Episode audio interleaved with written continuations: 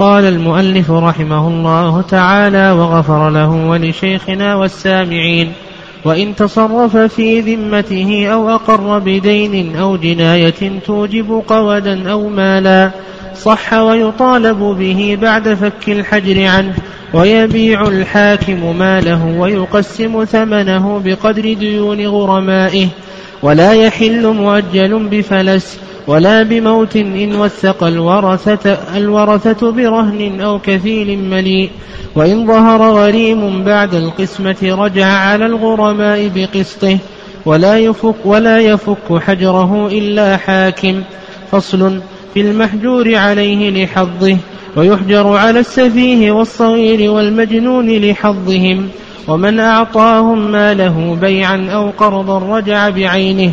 وإن أتلفوه لم يضمنوا ويلزمهم عرش الجناية وضمان مال من, من, من لم يدفعه إليهم وإن تم لصغير خمس عشرة سنة أو نبت حول قبله شعر خشن أو أنزل أو عقل مجنون ورشدا أو رشد سفيه زال حجرهم بلا قضاء وتزيد الجارية في البلوغ بالحيض وإن حملت حكم ببلوغها ولا ينفك قبل شروطه. تقدم لنا شيء من أحكام الحجر. وذكرنا أن الحجر حجران. حجر لحظ الغير وحجر لحظ النفس. وذكرنا أن الحجر لحظ الغير أنواع. لكن الذي يبحثه العلماء في باب الحجر هو الحجر على المدين.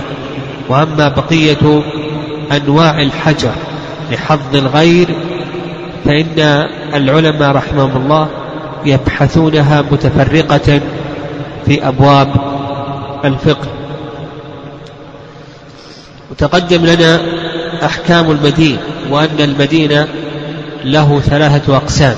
القسم الأول المدين المعسر الذي ليس عنده شيء وهذا يحرم مطالبته بالمال. ويجب إنظاره ويسرد إبراؤه ولا يحجر عليه. والقسم الثاني المدين الملئ الذي ماله يوفي دينه أو أكثر من دينه فهذا أيضا لا يحجر عليه بل يجب عليه أن يوفي فإن أبى أن يوفي فإن الحاكم يستولي على ماله ويوفي للغرماء حقوقهم ويحل عرضه وعقوبته. والقسم الثالث المدين الذي يحجر عليه وهو الذي عنده أموال لكن هذه الأموال لا تفي بدينه. دينه أكثر من ماله. فهذا يحجر عليه بطلب الغرماء كلهم أو بعض. وسبق لنا جملة من أحكام الحجر من ذلك ما يتعلق بالتصرفات التصرفات في أمواله على وجه المعاوضة من ذلك أيضا التصرفات في ماله على وجه التبرع. ومن الأحكام أيضا هل يقبل إقراره على ماله أو لا يقبل. كذلك أيضا من الأحكام من أدرك ماله بعينه عند رجل أفلس يعني فلس حجر عليه القاضي.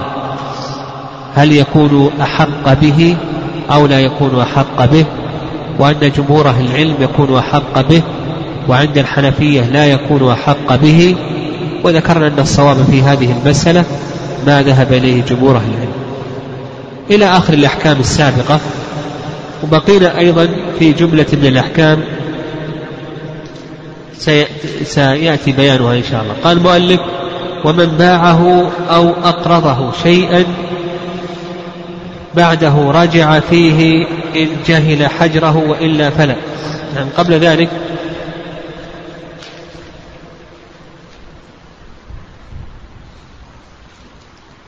قال ولا ينفذ تصرفه في ماله بعد الحجر ولا إقراره عليه ومن باعه أو أقرضه شيئا بعده. راجع فيه إن جهل حجره وإلا فلا. وهذه آخر مسألة تكلمنا عليها. وقلنا بأن من باع المفلس شيئا ثم أدرك ماله بعينه. فهو أحق به. لكن قال لك المؤلف رحمه الله أيضا اشترط المؤلف أن يكون جاهلا بالحجر. فإن كان عالما بالحجر فإنه لا يكون أحق به. طيب وقال المؤلف رحمه الله تعالى باعه أو أقرضه. يعني لو أنه أقرضه جاهلا بحجره ثم وجد عين ماله هل يكون أحق أو لا يكون أحق. المؤلف رحمه الله يقول بأن القرض كالبيع فإذا أقرض أو باع وهو يجهل الحجر فإنه يكون أحق به. نعم.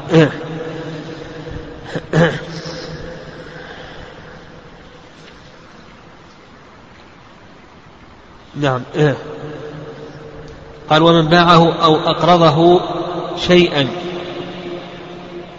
بعده أي بعد الحجر. يعني هل من أدرك ماله عند هذا الرجل المفلس هل هذا خاص بالبيع أو أنه يشمل البيع والقرض؟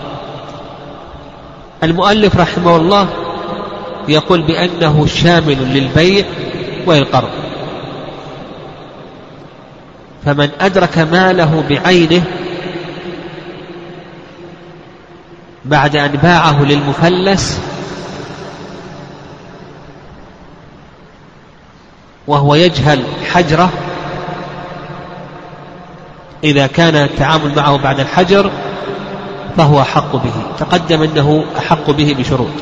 طيب هل هذا الحكم ينطبق على القرض أو لا ينطبق على القرض؟ بمعنى لو أن شخصا أقرضه وهو يجهل حجره أقرضه بعد الحجر وهو يجهل الحجر عليه ثم أدرك ماله بعينه عند هذا المفلس هل يكون أحق أو لا يكون؟ للعلماء رحمهم الله في ذلك رأيان. الرأي الأول وهو المشهور من المذهب مذهب الشافعية أنه يكون أحق بماله. لعموم الحديث من أدرك ماله عند رجل أفلس فهو حق به. والرأي الثاني أنه لا يكون أحق إنما يكون أحق إذا باع. أما إذا أقرض فإنه لا يكون أحق به. وهذا ذهب إليه بعض الشافعية وبعض الحنابلة وقالوا بأن الأمر خاص بالبيع واستدلوا على ذلك بأنه ورد في بعض ألفاظ الحديث لفظ البيع.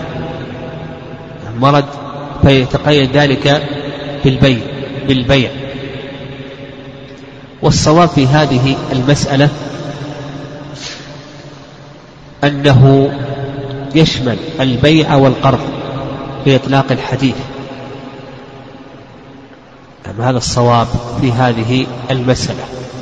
والصواب أنه وكونه وجد بعض ألفاظ البيع هذا لا يقتضي التخصيص لأن الحكم كما تقدم لنا أن الخاص يخص العام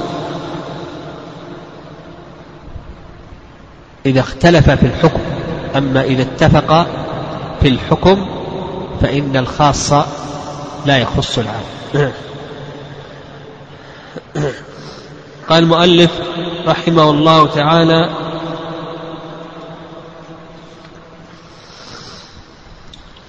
وإن تصرف في ذمته. هذا الحكم الخامس. ها؟ من الأحكام المترتبة. ها؟ السابع. طيب. الحكم السابع. تصرفات المحجور عليه في ذمته. يقول بأن تصرفاته في ذمته تصرفات صحيحة. تصرفاته في ذمته تصرفات صحيحة. لأن الحجر تعلق بأعيان ماله. وأما نعم الحجر تعلق بأعيان ماله. وأما الذمة فإنها صحيحة. لا حجر على ذمته لأنه رشيد يحسن التصرف. وعلى هذا إذا تصرف في ذمته كأن اشترى. شيئا بثمن مؤجل. اشترى شيئا بثمن مؤجل. أو ضمن شخصا. أو كفل آخر. فإن هذه التصرفات صحيحة. لأنه تصرف في الذمة والذمة قابلة للتصرف. قال وإن تصرف في ذمته أو أقر بدين أو جناية توجب قودا أو مالا صح. كذلك أيضا هذا الحكم الثامن.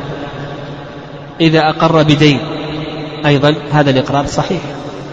لأنه أقر في ذمته وهو أهل للتصرف والإقرار والحجر إنما هو متعلق بأعيان ماله لا تعلق له بذمته. أقر بدين أو جناية توجب قودا أو مالا صح. كذلك أيضا لو أقر بجناية توجب قودا قصاصا. كما لو أقر أنه قتل أو أنه قطع يد نحو ذلك. توجب قودا أو توجب مالا.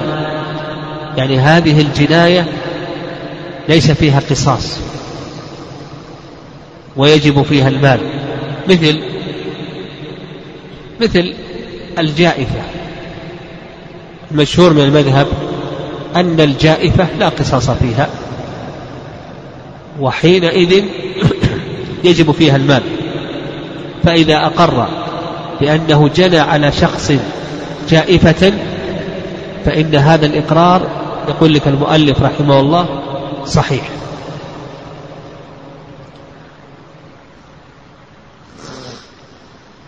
والعلة في ذلك كما سلف. نعم العلة في ذلك أن الحجر متعلق بأعيان ماله ولم يتعلق بذمته. فهذه الأشياء هذه الإقرارات تلحق الذمة أو تلحق البدن. والحجر إنما هو متعلق بأعيان ماله قال ويطالب به بعد فك الحجر عنه. يعني إذا أقر لشخص بدين أو أقر بجناية توجب قصاصا أو توجب قصاصا أو مالا قودا أو مالا إلى آخره. يقول لك المؤلف رحمه الله هذا الدين الذي هذا الدين الذي أقر به يطالب به بعد فك الحجر عنه.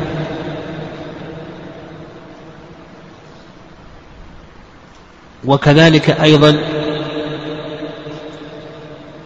هذا هذه الجناية التي توجب المال.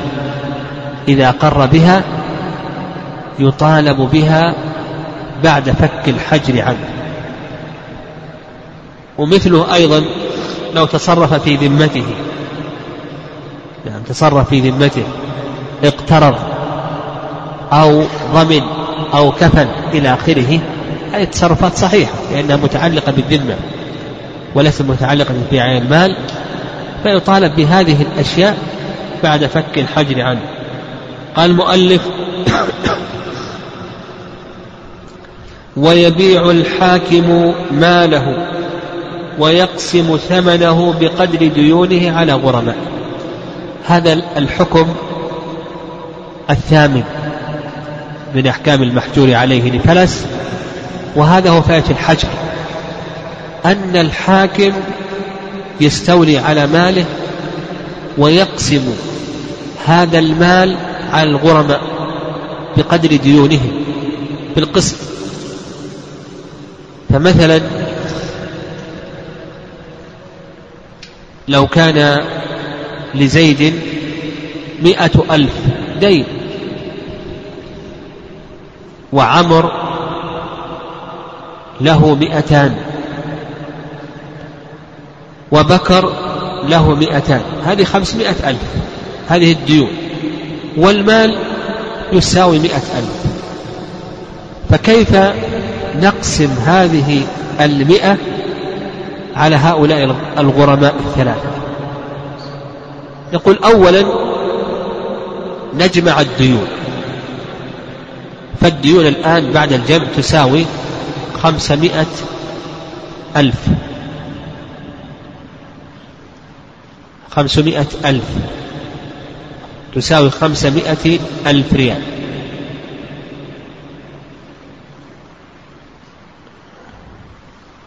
ننسب المال إلى مجموع الديون ثم نعطي كل واحد من الغرماء بمقدار تلك النسبة. فمئة ألف إلى خمسمائة تساوي كم؟ الخمس. مئة إلى واحد إلى خمسة الخمس. مئة إلى خمسمائة يساوي الخمس. نعطي كل واحد من الغرماء من دينه بمقدار تلك النسبة. فصاحب المئتين نعطيه من المئة كم؟ الخمس. كم الخمس؟ يساوي أربعين. نعطيه أربعين ألفا. وصاحب المئتين الآخر نعطيه الخمس كم الخمس أربعين ألف. وصاحب المئة الثالث نعطيها الخمس عشرين. فأربعون مع أربعين مع عشرين تساوي هذا هو المعنى. فالطريقة أنك تجمع الديون ثم بعد ذلك تنسب المال إلى مجموع الديون ثم تعطي كل واحد من الغرماء من دين من كل واحد من الغرماء من من المئة أو من المال بمقدار تلك النسبة. فعندك خمسمائة هذا مجموع الدين. المال يساوي مئة. المئة إلى الخمسمائة تساوي الخمس. فكل واحد نعطيه من المئة بمقدار تلك النسبة من دينه.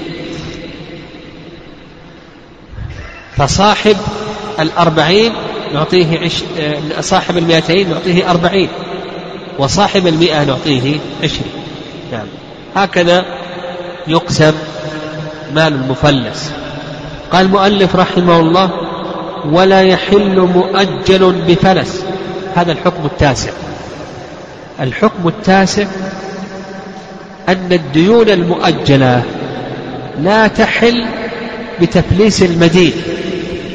فإذا حجر القاضي على شخص فإن الذين يعطون أو يقسم بينهم المال من لهم ديون حالة.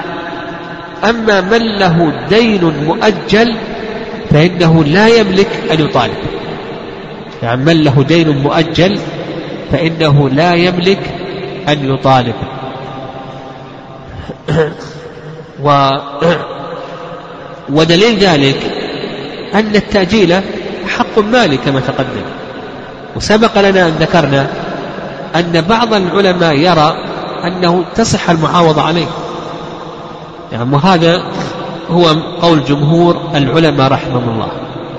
وعلى هذا إذا حضر حجر القاضي على هذا المدين وهناك ديون مؤجلة فإن هذه الديون لا تحل بالحجر ولا يملك أصحابها أن يطالبوا بسداد شيء من دينه لأن الأجل حق للمحجور عليه للمفلس. والرأي الثاني رأي الإمام مالك رحمه الله تعالى أنه إذا حجر على الشخص وله دين مؤجل فإن هذا الدين يحل. قالوا لخراب ذمته لأن ذمته خربت بالحجر عليه. لكن الصواب في هذه المسألة ما سلف. يعني الصواب في هذه المسألة أنه لا يحل الدين المؤجل بالتفليس لأن الأجل كما سلف حق. قال المؤلف رحمه الله ولا بموت. إن وثق ورثته برهن أو كفيل ملي. وهذه أيضا مسألة تحدث كثيرا. يموت الشخص وعليه ديون مؤجلة. هذا زيد يريد منه مئة ألف تحل بعد سنة وهذا يريد منه مئتين تحل بعد سنتين إلى آخره. فإذا مات شخص وعليه ديون مؤجلة هل هذه الديون تحل؟ ويملك الغرماء أن يطالبوا الورثة بسداد هذه الديون أو لا يملك؟ أو لا أو نقول بأنها لا تحل؟ ها؟ للعلماء رأيين الرأي الأول وهو قول أكثر أهل العلم. قالوا بأنها تحل. تحل هذه الديون المؤجلة. لماذا؟ لأن المال الآن انتقل لمن؟ للورثة. المال الآن انتقل للورثة. وربما أن حق الغريب يضيع لأن الورثة سيقتسمون هذا المال. فأكثر العلماء خلاف المذهب. وأن الدين المؤجل يحل بالموت. والرأي الثاني وهو المذهب أن الدين المؤجل لا يحل بالموت لكن اشترط المؤلف رحمه الله ماذا؟ قال لك إن وثق ورثته برهن أو كفيل ملي قالوا للغريم وللغرماء هذا الرهن خذوا هذا رهن. خذوا هذا الرهن. أو كفيل ملئ هذا الشخص يكفل إلى آخره إذا حل الأجل. وهذا القول يعني ما ذهب إليه الحنابلة رحمهم الله. يظهر أنه هو الصواب. لأن هذا القول فيه جمع لحق الورثة وحق الغرماء. فحق الغرماء الآن ضمن بأي شيء؟ بالرهن أو بالكفيل الملي الضمين الملي وحق الغرماء نقول بأن الأجل حق مالي وهذا الحق المالي يورث كما تقدم. وإذا كان كذلك فإن هذا الحق لا يسقط بالموت كما تقدم لنا أنه تصح المعاوضة عليه. فالصواب في هذه المسألة هو ما ذهب إليه المؤلف رحمه الله وأن الديون المؤجلة لا تحل بالموت بموت المدين. لكن يجب على الورثة ماذا؟ أن يوثقوا بأي شيء؟ بكفيل برهن يحرز أو بكفيل من؟ قال المؤلف رحمه الله وإن ظهر غريم بعد القسمة رجع على الغرماء بقسطه ولا يفك حجره إلا حاكم. يقول لك المؤلف رحمه الله إن ظهر غريم بعد القسمة رجع على الغرماء بقسطه. يعني أن القسمة لا تحل. القسمة تبقى على ما هي عليه. ويرجع على كل واحد من الغرماء ها؟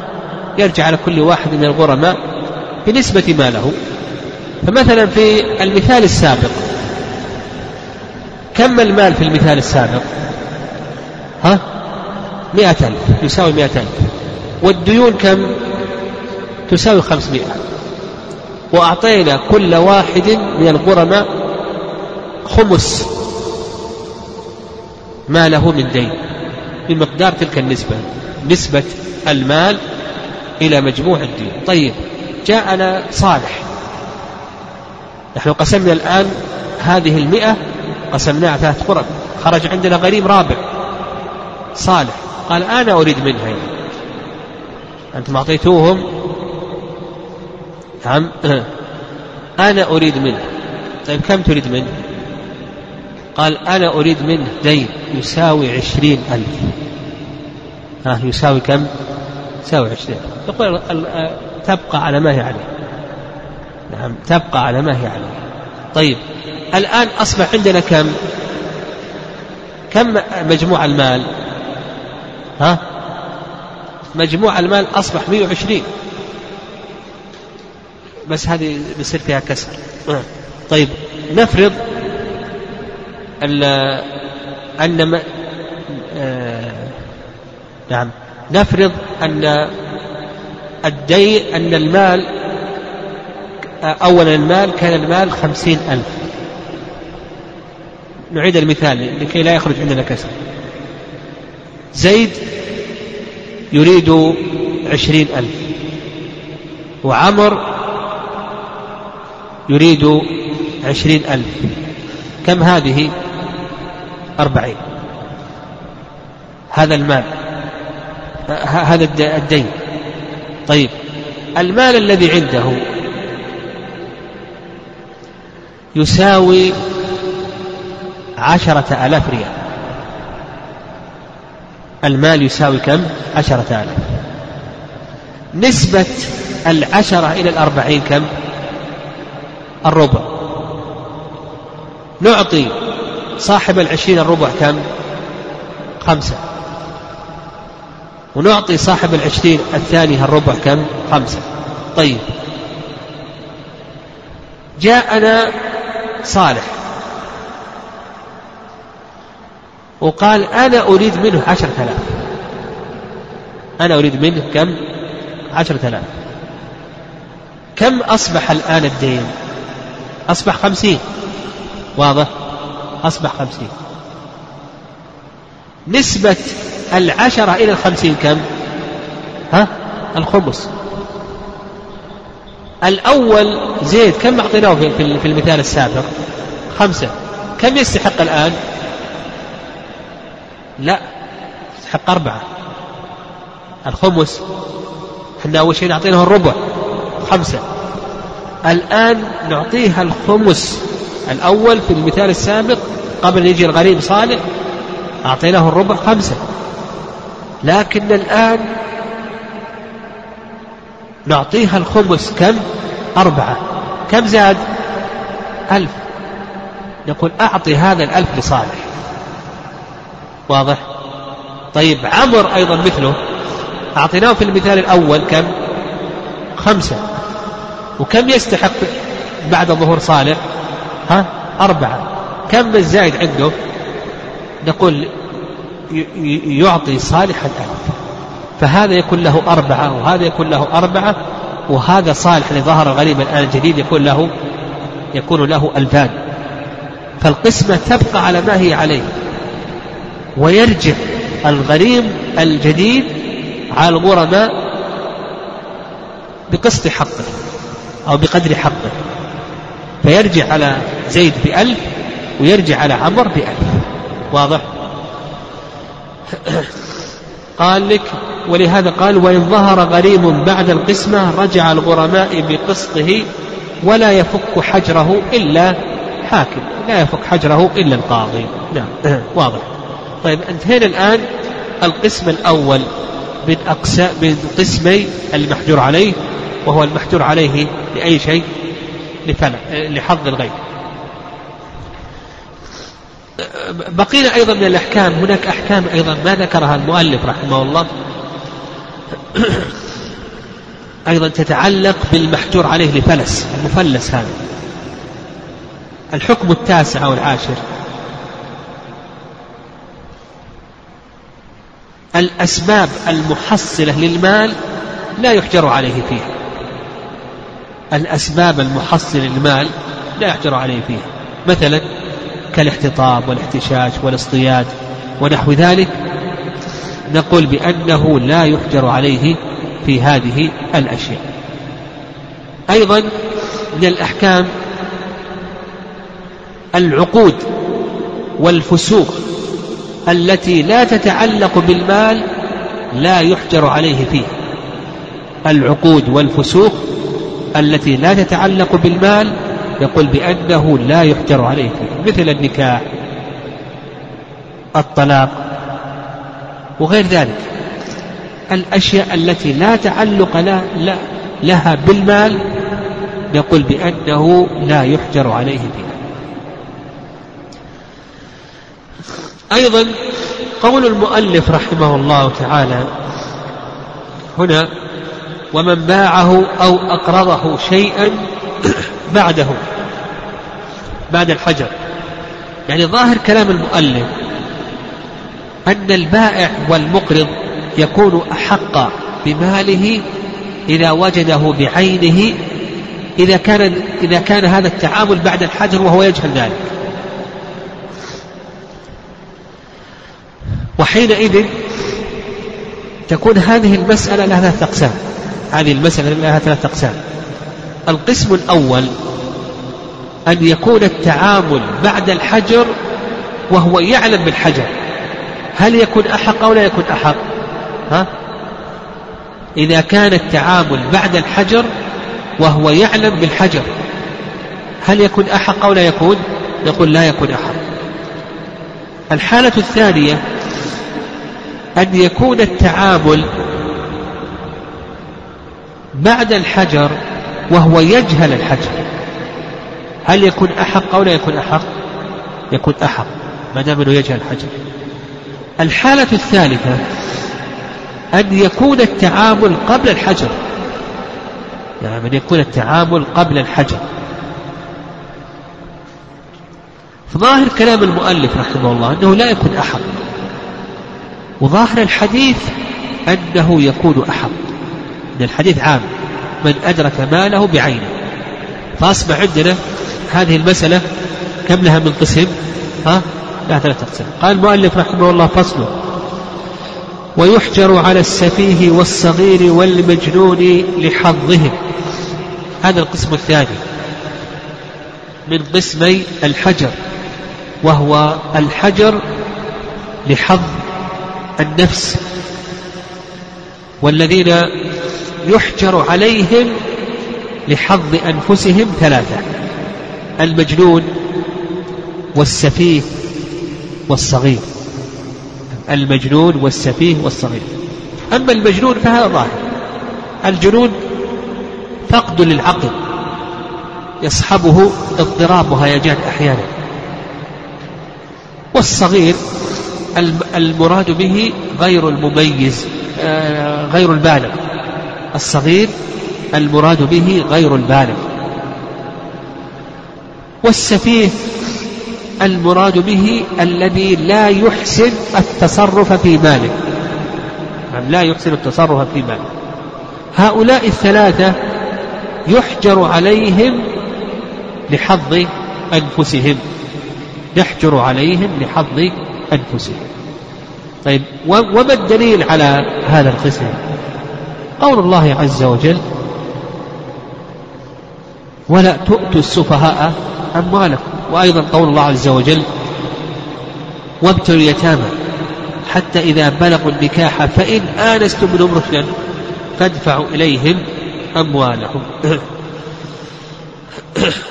طيب قال المؤلف وهنا الحجر هنا على هؤلاء حجر عام.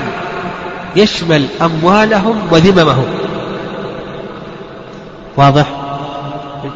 الحجر على المفلس يتعلق بأي شيء؟ ها؟ بإعيان ماله. أما هنا حتى الذمة. بمعنى أن النصبي لو ضمن هل يصح ضمانه؟ ها؟ ما يصح. لو اقترض هل يصح قرضه؟ ها؟ ما يصح. لو اشترى بثمن مؤجل يقول لا يصح. اللهم إلا في الأشياء اليسيرة عرفا فالحجر هنا شامل للمال وللذمة. المجنون لو اقترض وتصرف في ذمته. أقر بدين أو ضمن أو كفل أو اشترى بثمن مؤجل. هل هذه التصرفات صحيحة؟ أو نقول بأنها ليست صحيحة. ها؟ نقول هذه التصرفات ليست صحيحة. قال المؤلف رحمه الله طيب الأحكام المترتبة على الحجر لحظ النفس الحكم الأول أن الحجر عام لأموالهم وذممهم والحكم الثاني أن الحجر عليهم لا يحتاج إلى القاضي. ما يحتاج نروح نذهب إلى المحكمة نخرج صك إن, إن هذا مجنون وإنه عليه. لا لكن المفلس ها يحتاج إلى ماذا؟ ها المدين. يحتاج إلى من؟ إلى القاضي. لكي يحجر عليه. أما المجنون والسفيه والصغير ما في حاجة. الجنون علة في الحجر الصغر علة في الحجر. السفه إذا ظهر من تصرفاته أنه لا يحسن التصرف في ماله خلاص أصبح الآن محجور عليه. ما يحتاج إلى ماذا؟ يحتاج إلى القاضي. هذا الحكم الثاني. الحكم الثالث قال لك المؤلف ومن أعطاه ماله ها, ها؟ اي نعم سفه ما يحتاج إلى قاضي. إذا ظهر من تصرفاته أنه لا يحسن التصرف في ماله ظهر من عقوده وفسوقه أنه لا يحسن التصرف في ماله أصبح الآن محجور عليه. ما نحتاج إلى قاضي. قال المؤلف ومن أعطاهم ماله بيعا أو قرضا راجع بعينه. هذا الحكم كم؟ الثالث. من مكنهم من ماله إما على سبيل البيع أو على سبيل القرض أو على سبيل الإعارة نقول يرجع فيه إن كان موجودا. كان موجود رجع فيه. مثلا أعطى الصغير سيارته. لكي يقود هذا الصغير. كانت السيارة موجودة ما تلفت يرجع بها مالكها. إن تلفت وش الحكم هنا؟ يضمن ولا ما يضمن؟ ما في ضمان على الصغير. لماذا تسلط هذا الصغير أو المجنون على ماذا؟ على مالك. فمن أعطاهم ماله بيعا. باع الكتاب على الصغير. البيع غير صحيح. ترجع به كان الكتاب موجود. أو أقرض الصغير مئة ريال أو أقرض المجنون مئة ريال. يقول يرجع إن كان ماذا؟ ها؟ إن كان موجودا. طيب. قال لك وإن أتلفوه لم يضمن. هذا الحكم الرابع إن أتلفوه ما في ضمان عليهم. أنت اللي سلطتهم عليه لماذا تسلطهم على على مالك؟ بهذا نعرف أنه إذا أعطى الصغير السيارة وتلفت الضمن عليه. أو الصغير ما يضمن. أنت أنت الذي سلطت هذا الصغير أو المحجور عليه على مالك أو سلطت المجنون على مالك. فنقول بأنه ماذا؟ ما الحكم هنا؟ نقول لا ضمان عليهم. إذا أتلفوا شيئا نقول لا ضمان عليهم. قال ويلزمهم أرش الجناية. هذا الحكم الخامس. إذا جنوا يلزمهم أرش الجناية. المجنون جرح شخصا أو فقع عينه أو نحو ذلك.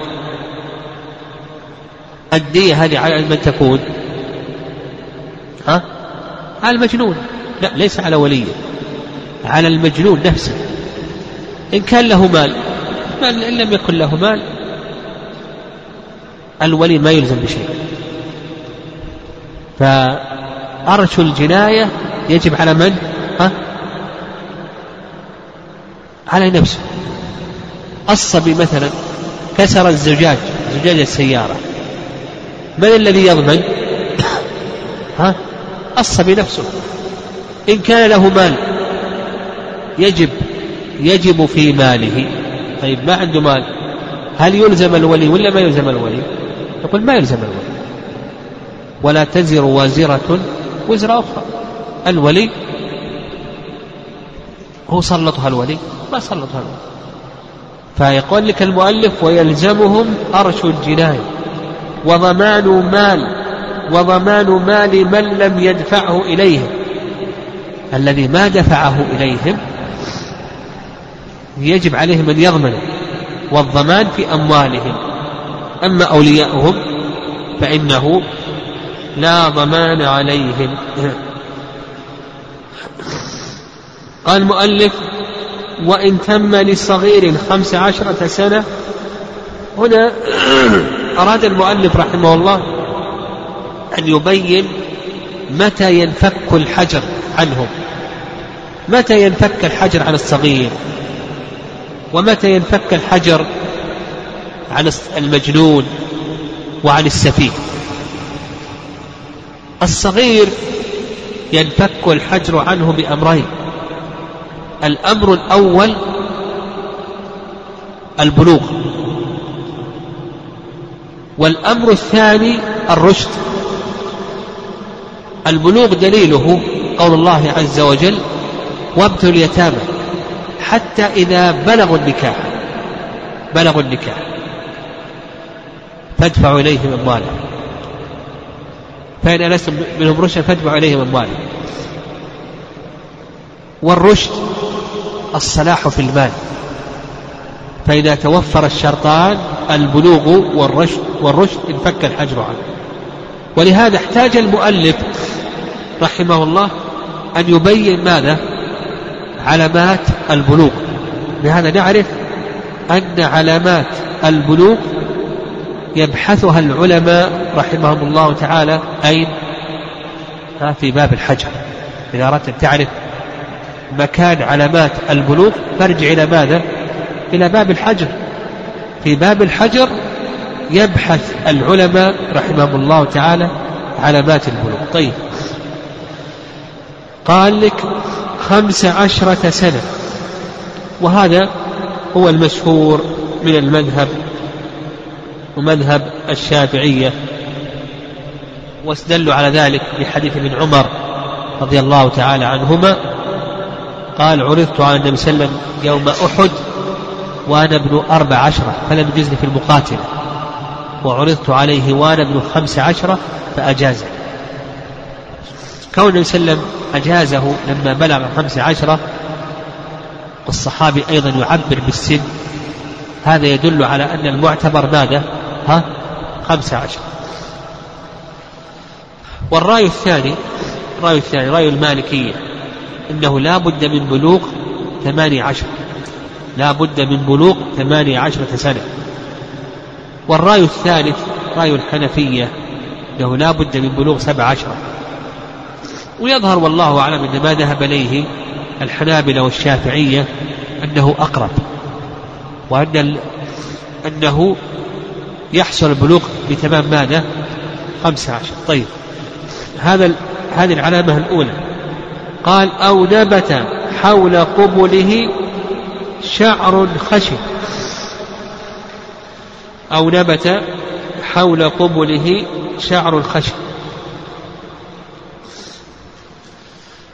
وهذا هو المذهب مذهب المالكية ويستدل لذلك بما ثبت في الصحيحين.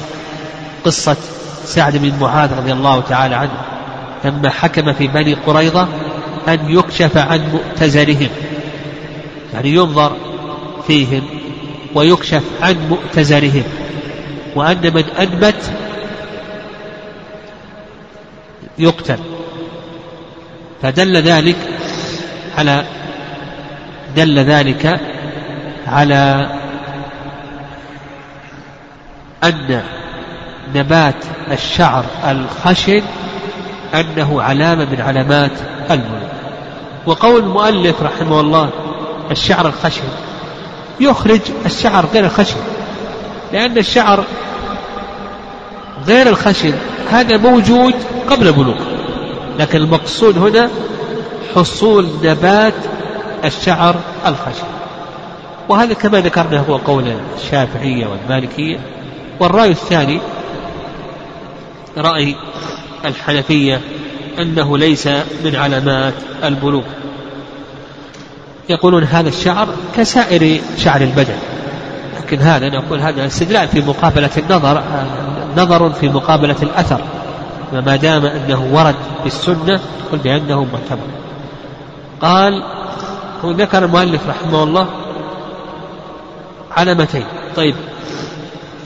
قال لك المؤلف أو أنزل. هذه العلامة الثالثة إذا حصل منه إنزال المني سواء كان ذلك باليقظة أو كان ذلك بالمنام وهذا بالإجماع. خروج المني بالإجماع على أنه علامة من علامات البلوغ ويدل لذلك قول الله عز وجل وإذا بلغ الأطفال منكم الحلم فليستأذن. أمرهم بالاستئذان. فإنزال المني هذا بالإجماع أنه علامة من علامات البلوغ طيب. وهذا مما يؤيد ما تقدم أنه إذا تم له خمس عشرة سنة. يعني مما يؤيد ما تقدم أنه إذا تم له خمس عشرة سنة. أنه ماذا؟ أنها علامة وليست علامة. علامة لأن إنزال المني الغالب أنه يكون متى؟ عند تمام خمس عشرة سنة. الغالب أن إنزال المني أنه يكون عند تمام خمس عشرة سنة. طيب. بقينا في الجارية تزيد ماذا؟ أيضا صح. خروج دم الحيض. فإذا خرج معها دم الحيض فإنها تكون قد بلغت.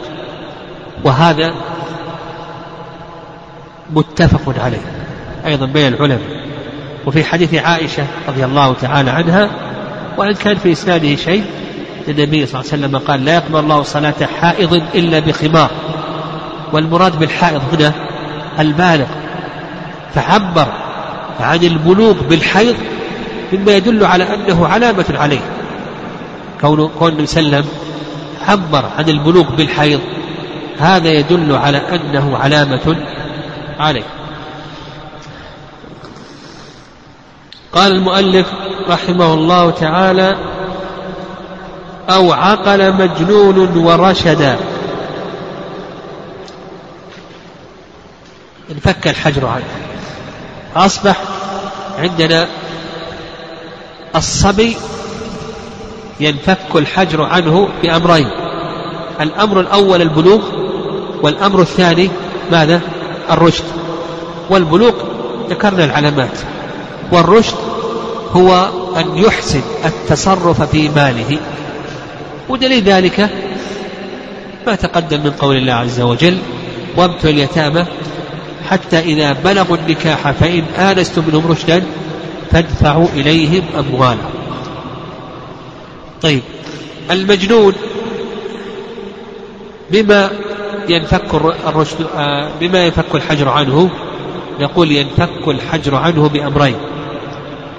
الأمر الأول العقل إذا عقل والأمر الثاني الرشد وهو حسن التصرف في المال. أو رشد سفيه زال حجرهم بلا قضاء السفيه ها؟ متى ينفك الحجر عنه بالرشد. زوال العلة. الحكم يدور مع علته وجودا وعدما. فالسفيه إذا رشد انفك الحجر عنه. لأن السفة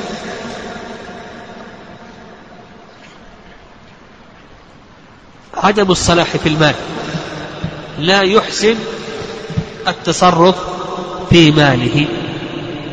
فإذا رشد وأصبح يحسن التصرف في ماله فإن الحجر ينفك. وقال لك المؤلف رحمه الله بلا قضاء يعني ما في حاجة إلى قاضي. تقدم لنا أن الحجر على المفلس ها يحتاج إلى القاضي ولا ما يحتاج؟ يحتاج لأن الذي حجر عليه هو القاضي. أما هنا فالحجر عليهم بدون قضاء. هنا الحجر عليهم بدون قضاء.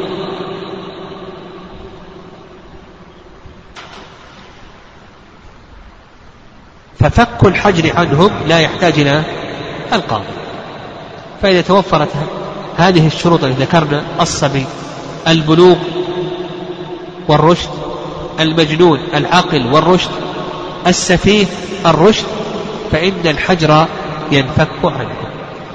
قال وتزيد الجارية في البلوغ بالحيض وإن حملت حكم ببلوغها. نعم. قالوا لأن هذا دليل على وجود الإنزال. إذا حملت يحكم ببلوغها. قالوا لأن هذا دليل على الإنزال. قال ولا ينفك الحجر قبل شروطه. لا ينفك الحجر قبل شروطه. وأيضا يعني نفهم يعني يعني وش معنى الحجر على الصغير والسفيه؟ ها؟ وش معنى الحجر عليهم؟ الحجر على الصغير والسفيه والمجنون. ها؟ زين. معنى ذلك عقودهم غير صحيحة. تصرفاتهم بالنسبة للعقود. عقودهم نقول بأن هذه العقود والفسوق محجور عليهم ما يمكن تصرف وهذه تقدم تكلمنا عليها. يعني تقدم تكلمنا عليها. المؤلف رحمه الله ما ذكره وإلا ذكرناها في باب شروط البيع؟ قلنا الصبي ما تصح تصرفاته عقوده إلا في حالتين. الحالة الأولى الأمور اليسيرة والحالة الثانية أيوة إذا راهب وقارب البلوغ. فلا بأس أن ندفع إليه شيئا من المال لكي ننظر هل رشد أو لم يرشد. مثل أيضا السفيه. أما المجنون هذا ما تصح تصرفاته لا في قليل ولا في كثير. هذا معنى الحجر عليه. واضح؟